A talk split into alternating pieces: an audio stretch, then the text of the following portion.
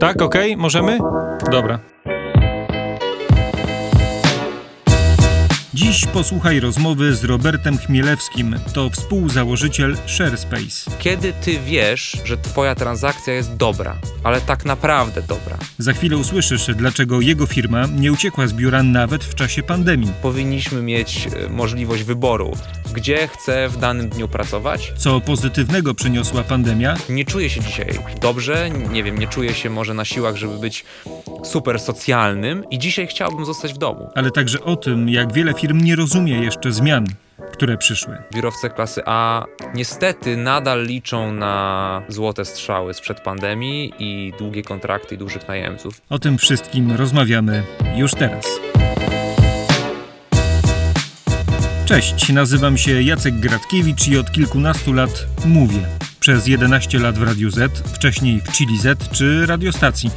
Jestem też online, obecnie w many.pl, bo media to moje miejsce. I to nie tylko dziennikarsko. Wspieram wizerunek medialny firm i osób w nich pracujących. Dobrze, że tu jesteś.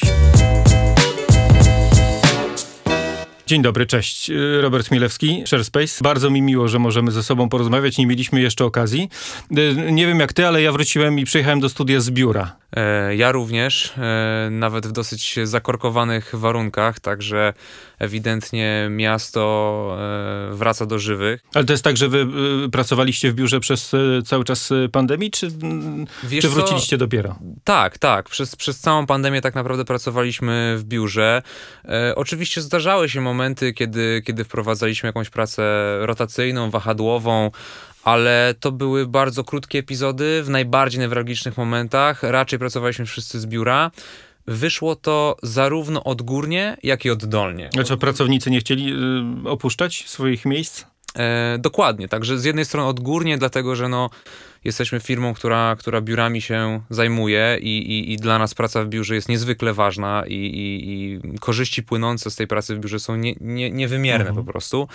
E, natomiast oddolnie, dlatego też, że, że po prostu pracownicy, ludzie, z którymi współpracujemy, lubią nasze biuro, lubią to, to, ten klimat, to środowisko, e, wiedzą, że, że, że jednak w biurze dużo efektywniej ta praca płynie, dużo więcej informacji możemy pozyskiwać od siebie nawzajem, więc, e, więc to zderzenie obu sił sprawiło, że po prostu byliśmy w pełnym składzie. Tak E, powiem. Czy to jest tak, że ten- ta burza mózgów według was, według ciebie jest możliwa tylko, tylko w biurze? Tak, moja, moja osobista opinia dokładnie taka jest, że w kluczowych momentach pewnego rodzaju pomysły, tym bardziej te kluczowe, mogą narodzić się tylko e, z dyskusji, która odbywa się face to face. W, w takim wymiarze rzeczywistym, że tak powiem, ponieważ wideokole stanowią na pewno fajny element pracy, w którym możemy szybko się złapać, no przede wszystkim też w warunkach zdalnych. E, możemy też odciążyć się z, powiedzmy z tego takiego brzemienia też, które, które jest za spotkaniami fizycznymi, zarówno takie właśnie fizyczne, jak i mentalne, ale jednak ta komunikacja e, no nigdy nie jest po prostu taka sama. Ja się akurat zgadzam tu całkowicie ze, z moimi e, współpracownikami. E, Też wolimy się spotykać i w czasie tej pandemii też się spotykaliśmy choćby na jakieś takie spotkania godzinne, na taką burzę mózgów, żeby trochę porozmawiać. Czy to wasze biuro jakoś się zmieniło w, w czasie pandemii? Wiesz co, tak naprawdę, tak naprawdę to nie. Nawet bym powiedział jeszcze więcej. My nasze biuro powiększyliśmy, niekoniecznie powiększając y, rozmiar zespołu. Tak? Zespół liczy sobie w tej chwili około 30 osób, a biuro powierzchniowo pozyskaliśmy praktycznie dwa razy większe. Co więcej, byliśmy wcześniej e, podzieleni na, na, na, na dwa biura. E, powiedzmy, był to team IT operacyjny, a, a, a w drugim biurze bardziej funkcje związane ze sprzedażą i, i, i account managementem, ale zauważyliśmy, że tym bardziej chcemy być po prostu razem, także wróciliśmy do modelu open space. O, to jest akurat dosyć ciekawe, bo mam takie poczucie, że rynek się bardzo zmienił, jeżeli chodzi o ten open space e, i coraz więcej firm chyba z niego rezygnuje, a przynajmniej stara się gdzieś te gabinety e, wrócić. Jak jest e, twoje zdanie na ten temat? Wiesz, ja, ja myślę, że jeżeli chodzi w ogóle o jakby przestrzeń biurową, to mm, zarówno z uwagi na pandemię, ale też z uwagi na to, że model open space już funkcjonuje bardzo długo, jesteśmy w takim ciekawym momencie, gdzie powoli procesem iteracyjnym, mówię tutaj wszyscy o o społeczeństwie pracy, społeczeństwie biura, docieramy pewnie do tej konkluzji, e, że biuro powinno być takim multiwątkowym miejscem i zawierać tak naprawdę w sobie wszystkie e, przestrzenie, a te przestrzenie nie powinny być przypisane do jednej konkretnej osoby mhm. czy do jednego konkretnego działu na stałe. Do czego zmierzam, już mówiąc tak, mówię, może powiedzmy z, z, na realnych przykładach, to jest to, że open spaces nie powinny być przypisane do konkretnych działów, tak samo gabinety nie powinny być przypisane do konkretnych menadżerów. Mhm. One według mnie powinny być bukowane, powinny być użytkowane tak, jak dany team czy dany menadżer potrzebuje w danym dniu, jeżeli chodzi o specyfikę jego pracy. Czy to jest praca w skupieniu, czy właśnie w zespole.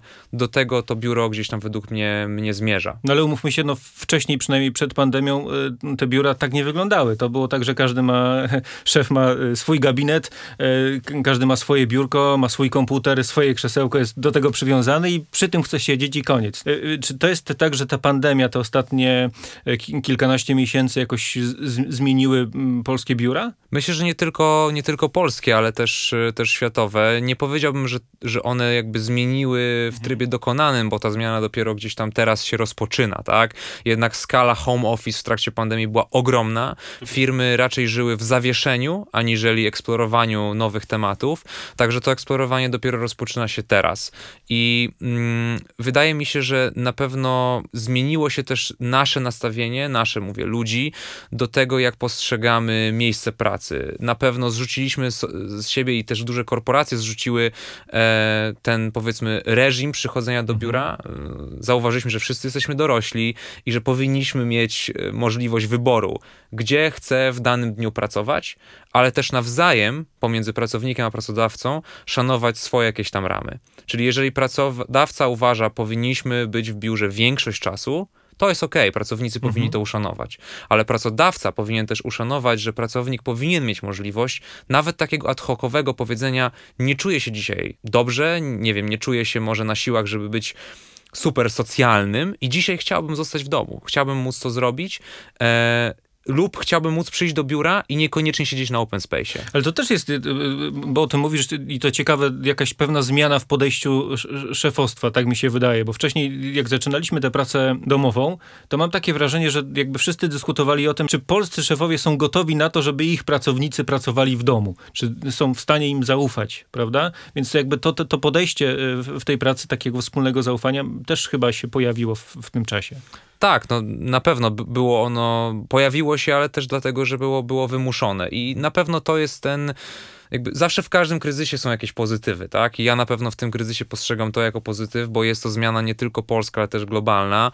E, myślę, że miejsca pracy ogólnie na świecie staną się coraz bardziej przyjazne dla obu stron i na pewno to też zaakcelerowało jeden trend w miejscu pracy, a mianowicie adopcję technologii.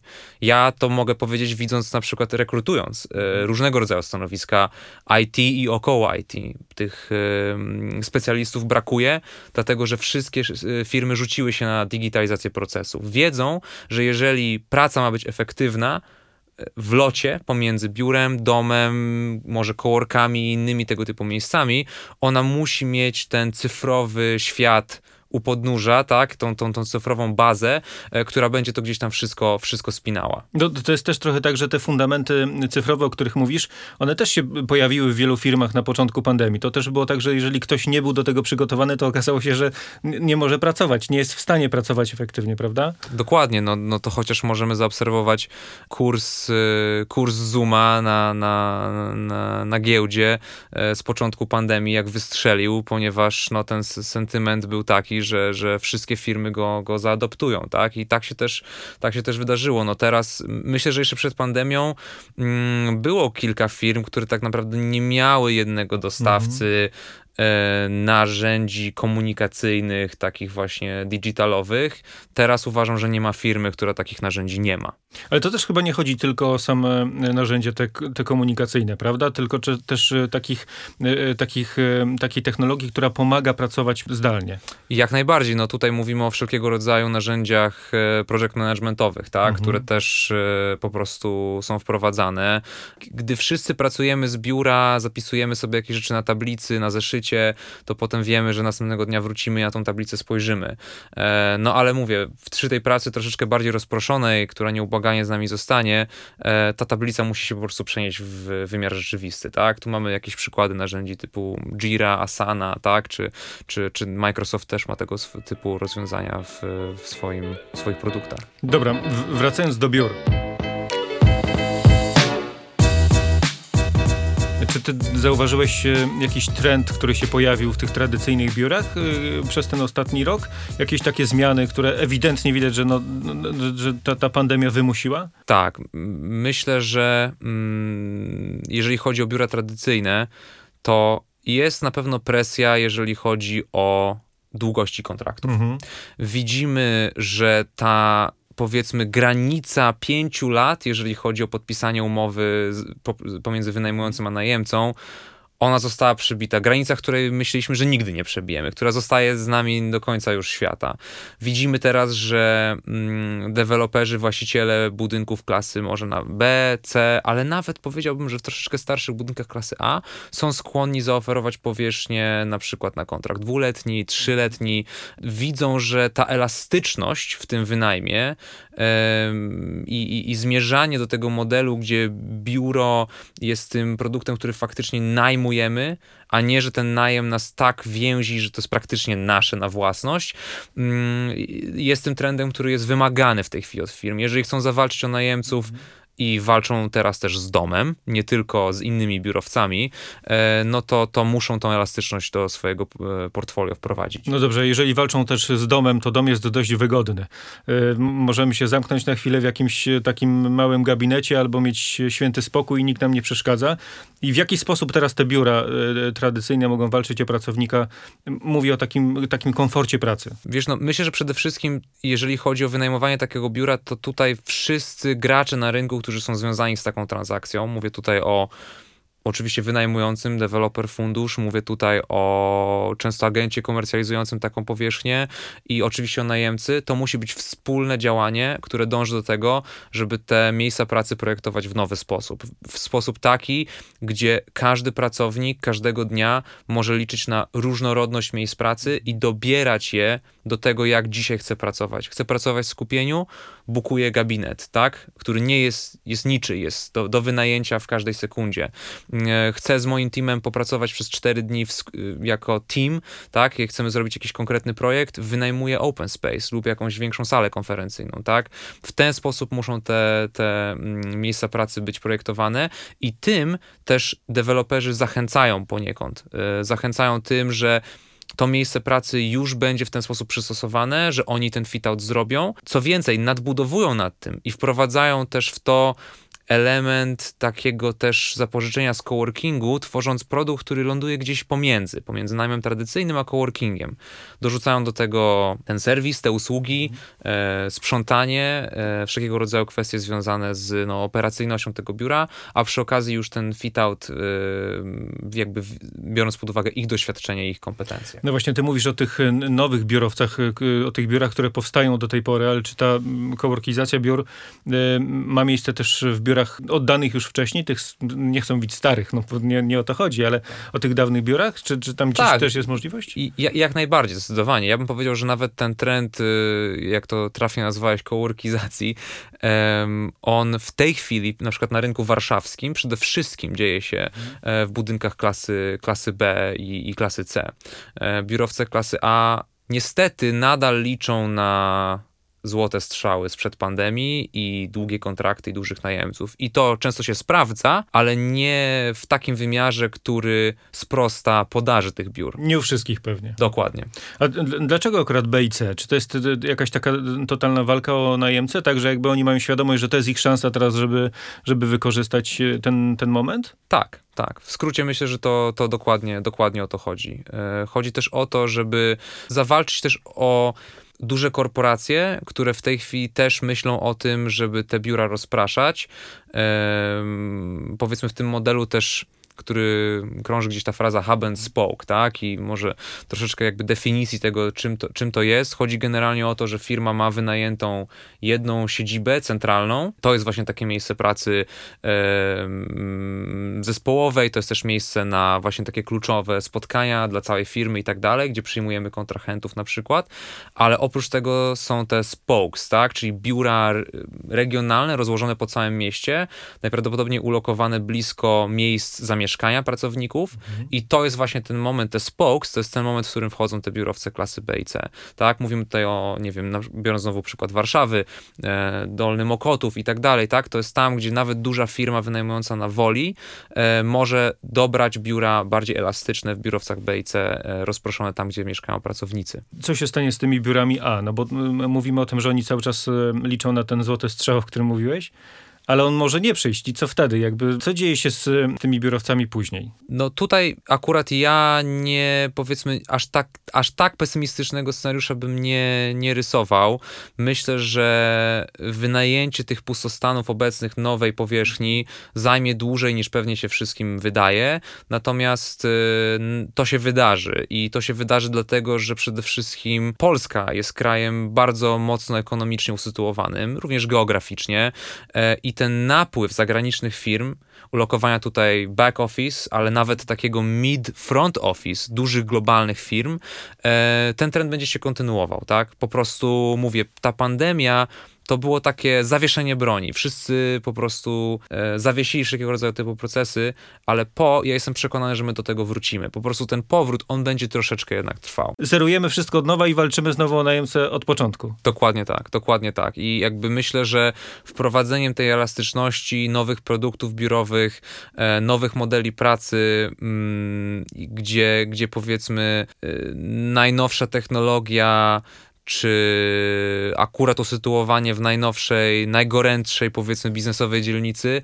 e, nie ma już takiego znaczenia, jak to, że na przykład możemy mieć biuro lub biura ulokowane blisko miejsc zamieszkania pracowników, tak? Więc na pewno ta, ta, to rozłożenie sił jest teraz dużo bardziej równomiernie. No właśnie, równomierne. bo wspomniałeś tutaj o tych dzielnicach takich biurowych. One są y, cały czas. W pandemii wyglądały strasznie, jak jakiś, jakiegoś koszmarnego filmu, y, puste. Czy one się y, jakby dalej będą pełniły rolę tych takich centrów biznesowych, czy, czy nie? Czy jest szansa, że to, to się zmieni? To się rozproszy trochę? Uważam, że ulokowanie i centralizacja biznesu jednak w tych dzielnicach ona pozostanie. Tak? Ona pozostanie, będą na pewno miejsca, aglomeracje, w których pewnego rodzaju biznes się, się zbiera. Natomiast y, znowu przewiduję, że jednak y, to będą miejsca, które będą bardziej stanowiły te modele tego takiego centralnego biura, tego takiego powiedzmy mm, hubu całe, całej, całego, całej społeczności pracowników, ale to, gdzie wykonywana jest praca, nie zawsze będzie się toczyło już w tych dzielnicach, będzie rozproszone pomiędzy wiele, wiele różnych miejsc. Mówiliśmy tutaj o e, zmieniających się wnętrzach budynków, ale czy same budynki e, jako takie e, w przyszłości mogą się zmienić? To znaczy, czy firmy, które decydują się dziś na to, że ok, będziemy budować biurowiec, już inaczej e, do, do, tego podchodzą? To jest ciekawe zagadnienie. Myślę, że na pewno, na pewno jest mniejszy wątek spekulacji. To jest e, coś, co było domeną rynku polskiego przez e, długi, długi czas, tak? No, większość najnowszych biurowców była, była troszeczkę wybudowana spekulacyjnie. Myślę, że to teraz na pewno się, się zmieni. A co idzie za mniejszą spekulacją, to jest też to, że budynki budowane są pod najemców, tak? Czyli szukamy najemcę zanim rozpoczniemy budować. I to będzie oznaczało, że będzie występowała mm, dużo większa personalizacja tych budynków wobec wymagań najemców, co oznacza, że te budynki też staną się coraz bardziej integralną częścią e, kultury tych najemców, tak? Będzie dużo lepszy mm, access control, funkcje parterowe też będą żyły razem z najemcami i może też mogą być odzwierciedleniem na przykład oferty różnego rodzaju najemców, nawet korporacyjnych, właśnie do, do takiego powiedzmy e, szeroko pojętego społeczeństwa e, i, i, i konsumenta, tak? I to, to te, wtedy pozwoli na to, że budynek stanie się troszeczkę taką nieodłączną częścią tkanki miejskiej i najemcy też staną się nieodłączną częścią tkanki miejskie i tego, jak jakby my wszyscy użytkujemy te budynki, tak? Dobra, tutaj y, robię przerwę, będzie przerwa muzyczna.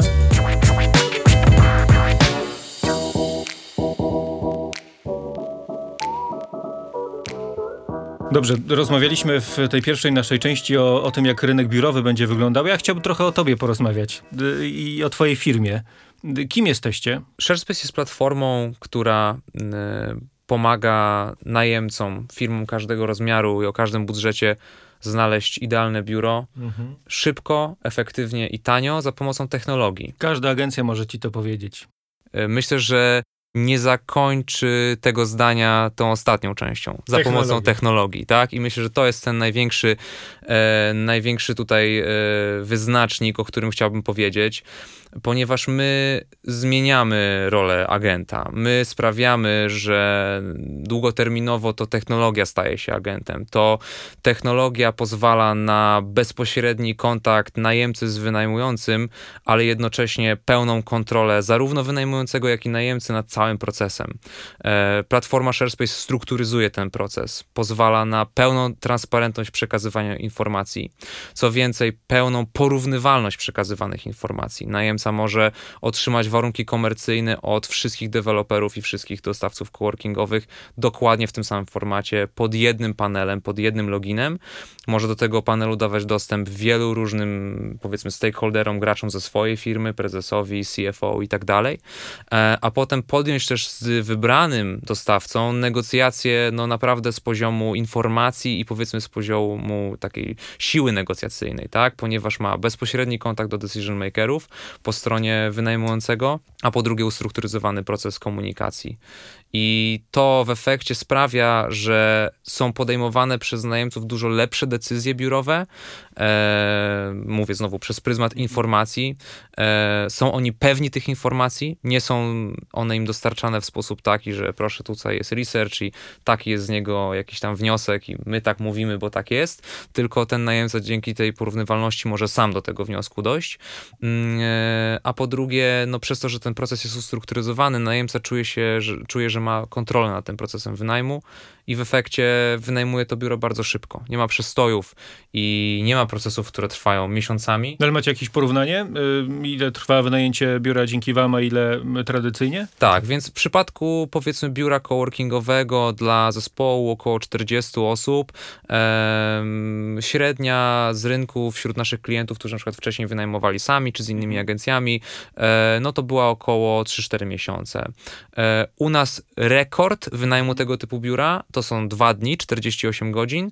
Średnia to jest około 3 tygodnie. Ciekawe słowo tutaj padło, transparentność. Skąd ta moc tego słowa na rynku nieruchomości? Rynek nieruchomości to niezależnie nawet czy to jest leasing, czy to są inwestycje, czy to są biura, czy jakikolwiek inny segment nieruchomości, e, tak naprawdę cała ta machina zarządzana jest danymi i informacjami o rynku. Ja czasami zadaję takie pytanie, jak ktoś zadaje mi z kolei pytanie, dlaczego y, potrzebuję pośrednika na przykład, tak? Mhm. Dlaczego potrzebuję pośrednika do tej, do tej transakcji?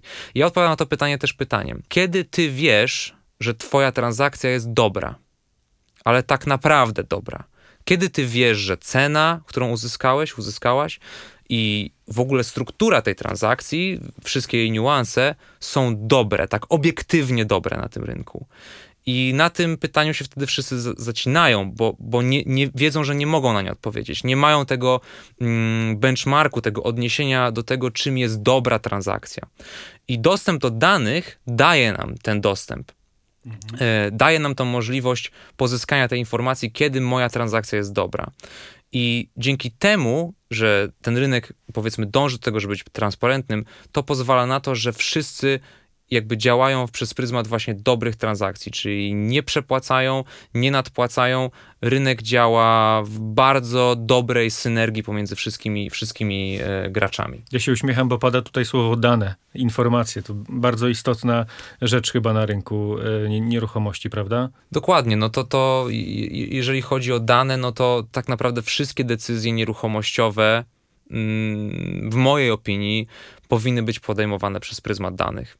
Nawet możemy rozłożyć sobie na czynniki pierwsze, tak nawet bardzo e, hasłowo, proces najemcy i, i, i poszukiwania biura przez najemcę. I dane powinny wkraczać już na każdym jego etapie. Nie tylko szukania dobrej ceny, ale nawet na samym początku, kiedy ja zadaję sobie pytanie, czego ja właściwie szukam, w jakiej dzielnicy, mm, jak dużego biura, tak? I jakie ona powiedzmy gdzieś tam musi wymogi spełniać.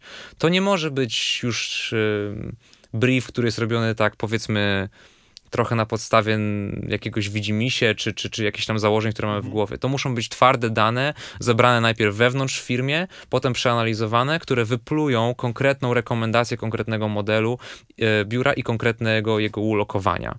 No i potem oczywiście idziemy dalej przez ten proces, tak? E, szukamy po rynku, negocjujemy oferty i tak dalej i tutaj znowu wchodzą dane, które mówią nam o tym, gdzie, takie, gdzie taką ofertę możemy, możemy znaleźć i odpowiadając na to pytanie, o którym wcześniej mówiłem, czy ta oferta jest dobra, tak naprawdę dobra.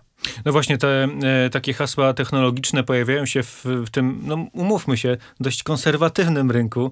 Ostatnio bardzo, e, bardzo często. Big data, ten rynek jest e, gotowy na taką rewolucję technologiczną. Jak byś dzisiaj ocenił to? Tylko szczerze bardzo cię proszę. Tak, tak. Wiesz, to pytanie pada już dłuższego czasu i, i to hasło funkcjonuje tak naprawdę nie po pandemii, nie w trakcie pandemii. PropTech, yy, mówię, i ty i ja jesteśmy jego, jego, do niego bardzo blisko. Yy, ono funkcjonuje już od kilku lat, tak? I ta digitalizacja yy, tego rynku, oprócz oczywiście prężnie rozwijających się startupów, wśród dużych firm, tych, które na tą chwilę e, jeszcze rozdają e, część kart, ona się w ogóle nie dzieje w Polsce. I ale śledząc poczynania niektórych firm za granicą, e, na przykład w Stanach, to tam już widzimy, że ten trend digitalizacji się dzieje. Natomiast co jest ciekawe, to jest to, że ta digitalizacja, bardzo prężna digitalizacja z Ameryki, ona nie y, podróżuje do Europy. Ja nawet nie mówię o transformacji cyfrowej idącej ze Stanów do Polski. Ona nawet nie dzieje się w UK, gdzie te firmy mają swoje siedziby i tak dalej. Więc z jakiegoś powodu ona nadal jest tam w zarodku trzymana Ale... mm, jako jakiś taki produkt researchowy bardziej, aniżeli faktyczny, faktyczna e, wartość, którą te firmy mogą zaoferować. Ale masz jakąś taką teorię, dlaczego akurat w Polsce to, to, to tak e, idzie opornie? Myślę, że tak, myślę, że po prostu nie było jeszcze wystarczającego e, takiego motoru napędowego, mm, jakiegoś takiego zapalnika, który wymusiłby wdrożenie tego. No bo po co zmieniać coś, co działa, tak? Umówmy się. Ale kiedy wkroczy nagle ktoś, kto to wszystko zmieni i kto naprawdę, nie, bo, nie bojąc się użyć tego słowa, dysrup wprowadzi dysrupcję, tak? Disruption, to będzie ten zapalnik, który sprawi, że duże firmy na tym rynku będą musiały powiedzieć: OK, to my już nie możemy konkurować z tym graczem, musimy sięgnąć po nasze zasoby z zagranicy i musimy też je tam zaktywizować i sprawić, że one faktycznie z researchu zamienią się w faktyczny produkt, tak?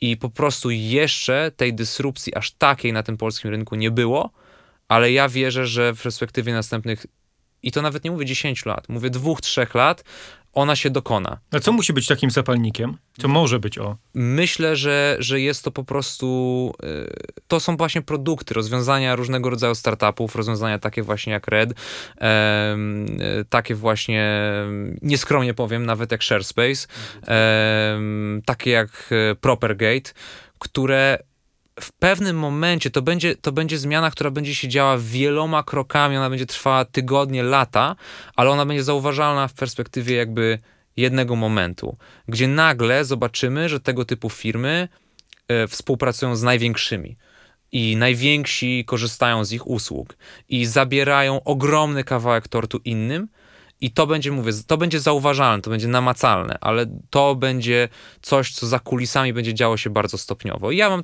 po prostu taką spekulację, tak przewiduję, że to będzie trwało e, jeszcze około rok, dwa lata, kiedy niektórzy zaczną już mówić, o, okej, okay, okay, tu się coś dzieje, tak? No na razie się mówi, ale to wszystko jest takie, mówi się, to jest bardziej taka plotka, nie? że to wychodzi, że no jest jakaś tam firma, która coś robi, a to oni tam próbują robić e, technologiczne rzeczy, my musimy robić swoje. Tak. Takie, mam, takie mam wrażenie.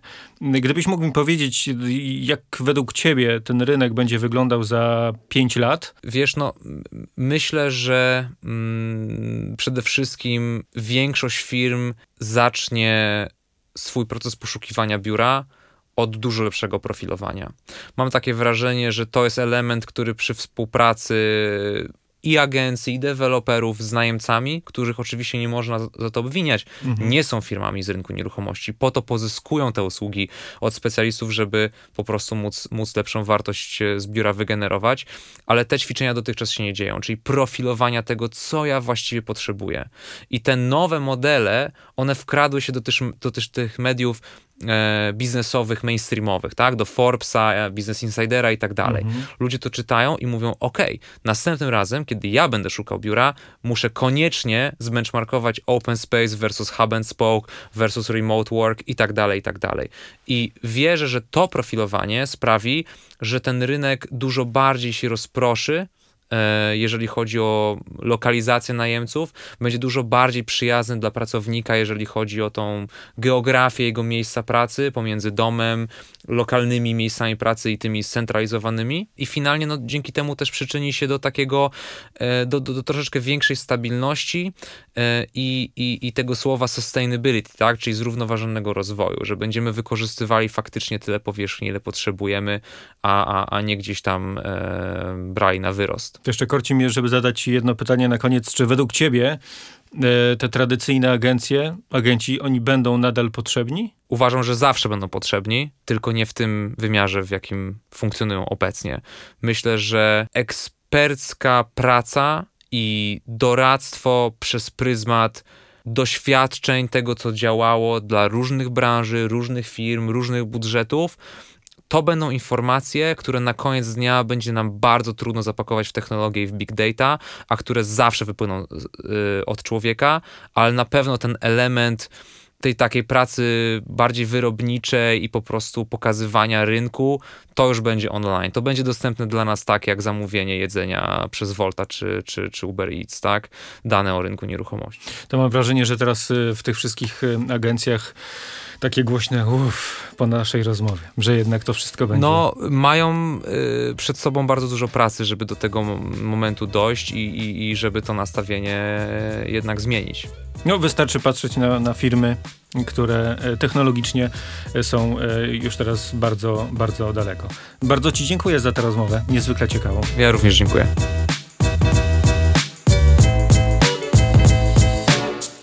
I już, zamykamy temat. Super.